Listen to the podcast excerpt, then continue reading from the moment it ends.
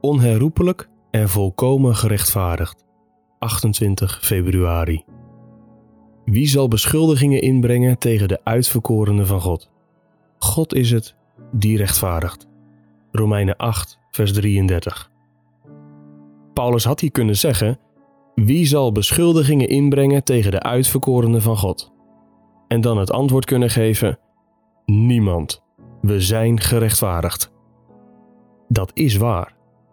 Maar het is niet wat hij zei. In plaats daarvan is zijn antwoord: God is het die rechtvaardigt. De nadruk ligt niet op de handeling, maar op degene die de handeling uitvoert. Waarom? Omdat in de wereld van rechtbanken en wetten, waar deze term vandaan komt, de vrijspraak van een rechter kan worden teniet gedaan door een hogere rechter.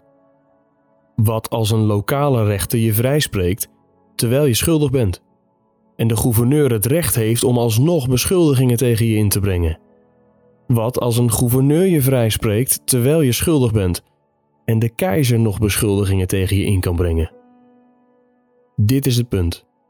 Boven God zijn geen hogere rechtbanken. Als God het is die je vrijspreekt, je rechtvaardig verklaart in zijn ogen, kan niemand in hoger beroep gaan. Niemand kan de rechtszaak ongeldig verklaren. Niemand kan nog iets anders tegen je inbrengen. Gods vonnis is onherroepelijk en volkomen. Als je gelooft in Jezus Christus, verenigd bent met Christus en jezelf tot de uitverkorenen rekent, let dan hierop. God is het die je rechtvaardigt.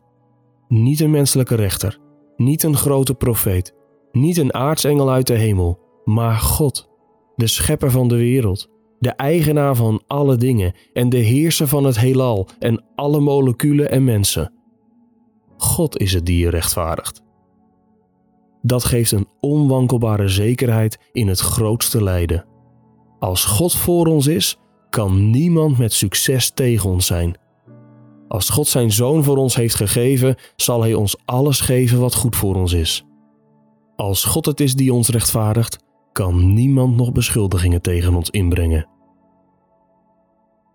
Je luistert naar Onwankelbare Vreugde, een dagboek van John Piper door Geloofsterusting en Desiring God. Wil je meer luisteren, lezen of bekijken? Ga dan naar de website geloofsterusting.nl.